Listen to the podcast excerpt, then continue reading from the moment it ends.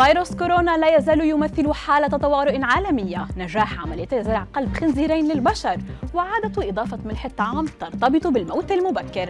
أبرز أخبار الساعات الأربع والعشرين الماضية في دقيقتين على العربية بودكاست كشفت منظمة الصحة العالمية أن فيروس كورونا لا يزال يمثل حالة طوارئ عالمية بعد نحو عامين ونصف من إعلانه لأول مرة.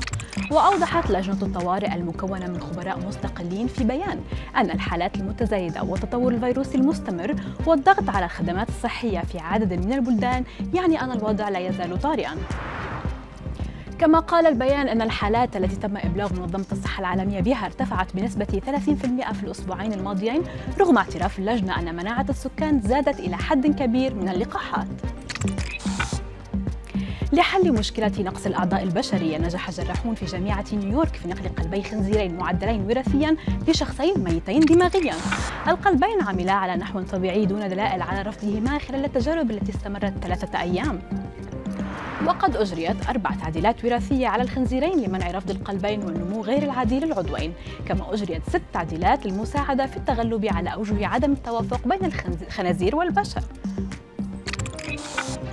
يبدو أن هناك علاقة معروفة وأصبحت مثبتة بين الجوع والغضب. فالدراسات تفيد بأن الجوع يقود للغضب. السبب في هذه العلاقة لا يزال غامضا إلا أنه يرجح أن يكون ناتجا عن تأثير نقص السكر في الدم على قدرة الدماغ على السيطرة العاطفية. كذلك يمكن أن يكون السبب ناتجا عن إدراكنا للعوامل الخارجية على أنها مزعجة في حالة الجوع على عكس تصنيفنا لها عقب تناول وجبة غذائية. الأشخاص الذين يضعون الملح إلى طعامهم أثناء الأكل. هم الأكثر عرضة للموت المبكر أكثر من الآخرين بحسب علماء أمريكيين.